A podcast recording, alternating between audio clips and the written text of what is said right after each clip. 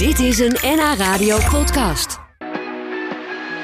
Acteur Louis van Beek studeerde cum laude af aan de theateropleiding in Antwerpen. Speelde in televisieseries zoals Westenwind en in King Lear in het theater. Hij stond als Mathilde Willink op het toneel en schreef een operette om maar even een deel van zijn cv te noemen.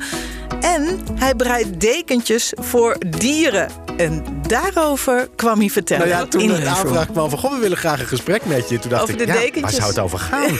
maar de, ja, over de kattendekentjes, dat, daar slaan mensen dan toch op aan. Ik vind het heel erg leuk hoor. Ja, want eh, ik heb natuurlijk. eh, eh, je, kunt, je, je schreef ergens, je kunt een dekentje bestellen via mijn Facebookpagina. Dus ik ging die Facebookpagina. En toen ben ik verdwaald in de fabels die je voorlas. Want ook Ja, dat heb je gedaan tijdens ja. corona voor het Ja. Wilmingtheater. Nou, echt fantastische. Al die korte fabels eh, gaan natuurlijk over dieren.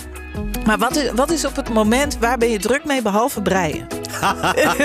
Eh, wat nu zo'n beetje, wat tijdens corona ook mijn core business was, is eh, audioboeken voorlezen. Dat Ja. doe ik met veel liefde en plezier. En mooie boeken ook.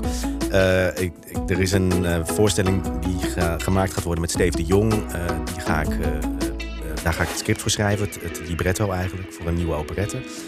Ehm, en voor de rest, ja, veel studiowerk. Ja, er, er, er zitten wel theaterplannen aan te komen, maar dat is altijd een beetje afwachten. En Ja. zeker na corona is iedereen toch nog heel voorzichtig. Eh, en je werkt ook graag met studenten, hè? Ja, ik doe één keer per jaar maak ik een voorstelling in eh, Zwolle eh, bij Artes met derde en vierde jaar studenten. Jazz en pop zijn dat studenten die dat leren. Maar ehm, om een beetje uit hun comfortzone te komen, maken ze één keer per jaar een theatervoorstelling met mij als regisseur. En dan staat een tekstschrijver of componist centraal. Dat was dit jaar Brigitte Kaandel. Ja, en hebben jullie ook een keer, eh, was dat ook met jou Robert Long gedaan? Ja, vorig jaar, ja. Ja, want dat is ook fantastisch, want je brengt dus ook dat oeuvre naar jonge mensen toe. Ja, en het is voor hun heel verrassend en ook raar om in het Nederlands te zingen, want dat doen ze niet automatisch. En het is inderdaad eh, erfgoed, prachtig materiaal. eh, ehm, en zeker bij Brigitte Kaandorp dit jaar was heel duidelijk dat ze veel meer is dan die ge- gezellige, grappige vrouw. Maar gewoon echt hele mooie liedjes schrijft. Dus het was een heel mooi gevarieerd programma. En hoeveel van die studenten speelden er uiteindelijk ook ukulele? Eentje maar. Ja, eentje echt maar. want ik maar het beginbeeld van de. Ja, voorstelling was ja. duidelijk een ukulele in het licht. En dat was eh, wel natuurlijk als een soort eerbetoon. Ja. Ja, ja, ja. Ehm, die veelzijdigheid, heb je dat altijd gehad? Ehm, dat denk ik wel, ja. Ik, we zijn vrij breed opgeleid in Antwerpen op de studio Ja, Terlink. Eh, Jan de Cler was eh, altijd iets van... ja, eh, het is altijd het leukst om dingen zelf te maken ook. En dingen zelf te schrijven. Dus dat is er eigenlijk altijd wel ingeslopen. En ja, de combinatie van dingen maken en dingen spelen, dingen schrijven... dat, is, dat vind ik toch eigenlijk het leukste wat er is, ja. En als je herkend wordt, waar word je dan van herkend?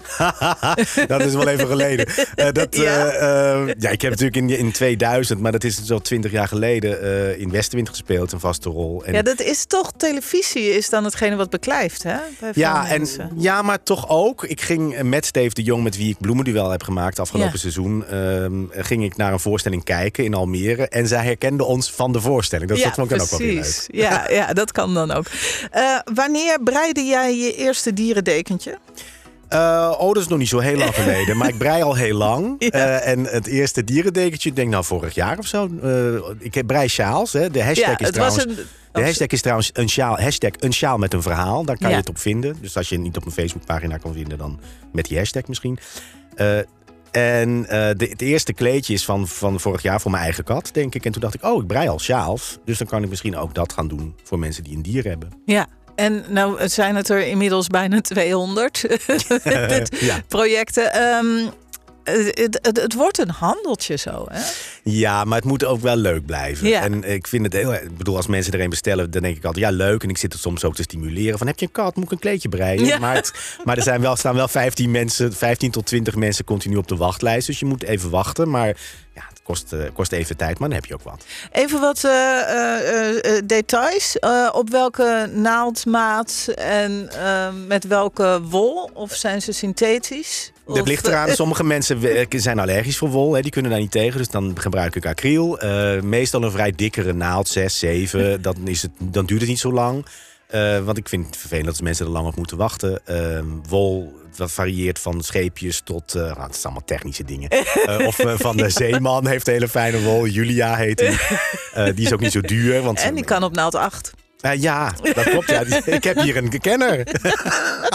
nou, dat is het grappige. Er zijn nu heel veel mensen die afhaken. Haha. Maar er zijn ook heel veel mensen die denken: oh ja, oh, die ken ik ook. En die kan ik, want je hebt hele fora en eh Ja. Facebookgroepen. Ja. Weet ik van wat. Van, eh, Maar ik zag dat die zwemmer, Dale, hoe heet hij ook weer? Ja, die, ik- die zat op de tribune op te, kunnen zoeken die zat op de de tribune te breien. En die gebruikte wel heel dikke naalden. Dus die was wel heel snel klaar. Ja, nou ja, dat is natuurlijk ook. Het, is, het ziet er wel leuk uit. Ja, dat. Maar die maakt trouwens wel mooie dingen. Die kun je op Instagram volgen. Die Ja, maakt echt klopt. Ja. Oké, nou het wordt echt, echt nu een, eh, een eh theekransje wordt het nu. Maar we gaan straks ook nog weer even terug naar eh, theater. En dan praten we verder. Louis van Beek hoor je.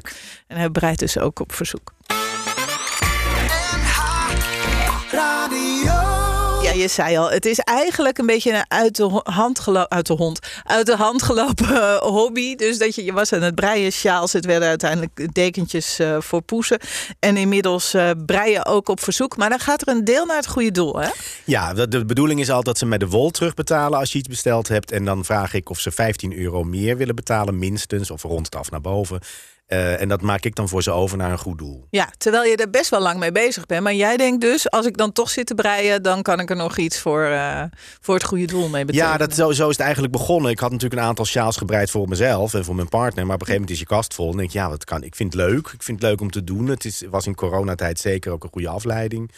Eh, maar ook tijdens het Netflixen of tijdens, eh, weet je, in de trein. Het is gewoon heel zen. En het, Maar je dat- zit in de trein ook te breien. Jazeker. En het weerhoudt me ook, dat is ook wel belangrijk. Het weerhoudt me ook van alleen maar op mijn telefoon kijken. Oh ja, dat is natuurlijk ook eh, natuurlijk zo'n automatisme.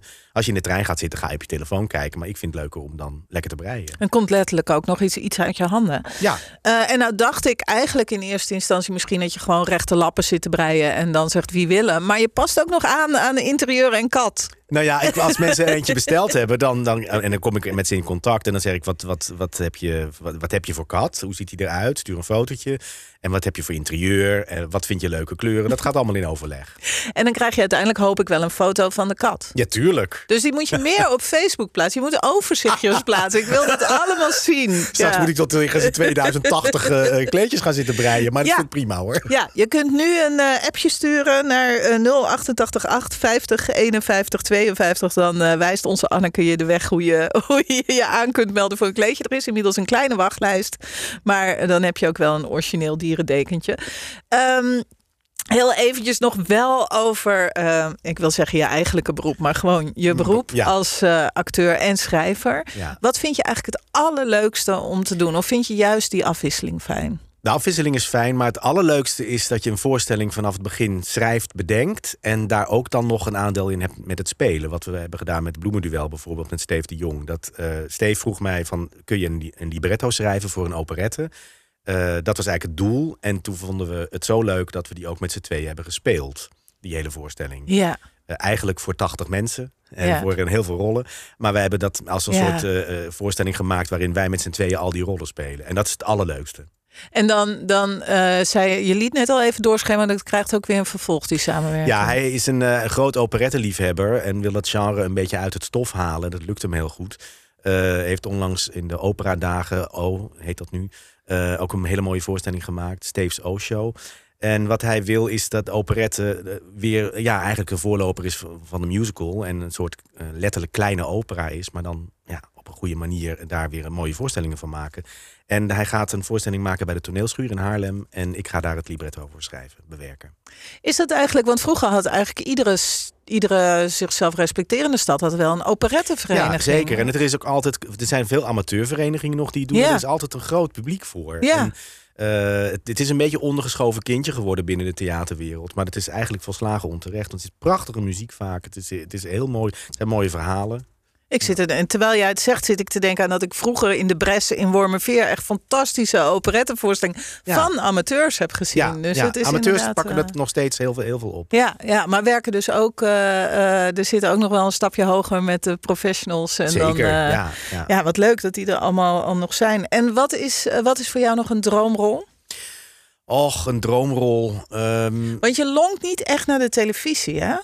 Nee, ik heb, eh, eh, dat heeft eh, ermee te maken dat je daar in een bepaald circuit voor moet zitten. En ik heb me eigenlijk altijd gefocust op theater, omdat ik dat toch eigenlijk heel erg leuk vind. Ik vind het ook heel fijn om te draaien voor televisie of film, maar ik heb twee seizoenen Westenwind gedaan en dat was heel erg leuk. Mhm. En, maar dat heeft niet echt een vervolg gekregen, omdat ik meteen daarna naar het theater ging weer.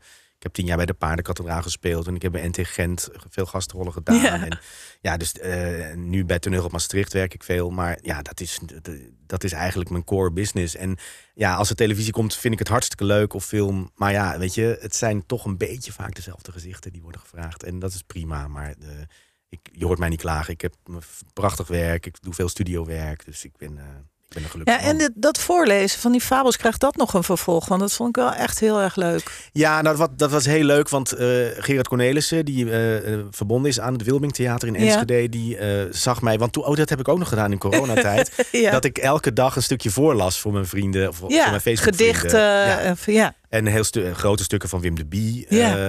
En dat eh, gewoon omdat het toen zo'n rare tijd was. En dat je dacht, ja, we kunnen allemaal wel gaan zitten simmen. Maar het is ook leuk om gewoon iets te doen. En dus toen heb ik elke dag iets voorgelezen. En naar aanleiding daarvan heeft Gerard Cornelis me gevraagd voor Enschede.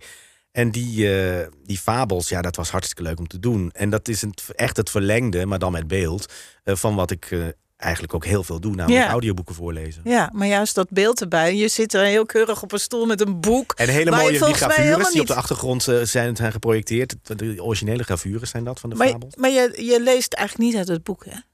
Nee, daar lees ik van een autootje. Het ziet er wel leuk uit. Ja, oké. eh, en dan toch nog even één vraag over de dekentjes. Want eh, wat is het volgende? Komen er nog eh theemutsen of eierwarmers of Oh nee, jongen. wanten, nee. Het- het- het- truien? nee, ik- het is, moet ook wel, ik moet het ook wel kunnen doen zonder dat ik erbij na hoef te denken. Dus Ja. die, die dus sjaals en die kleedjes zijn lekker recht toe recht aan. Ik kan wel hele ingewikkelde patronen breien, maar dan moet ik me echt erop concentreren en dan kan ik er niks naast doen. Dus ik wil wel kunnen Netflixen als ik aan het breien ben. Zoek hem op op eh, Facebook, Louis van Beek. Dan kom je heel veel leuke theaterdingen tegen, maar ook de dekentjes. en de hashtags zijn een hashtag een sjaal met een verhaal en Ja. hashtag nu ook nieuw een kleedje voor een scheetje. Ach, lieve poezen. Dit was een NH Radio podcast. Voor meer, ga naar nhradio.nl. Radio.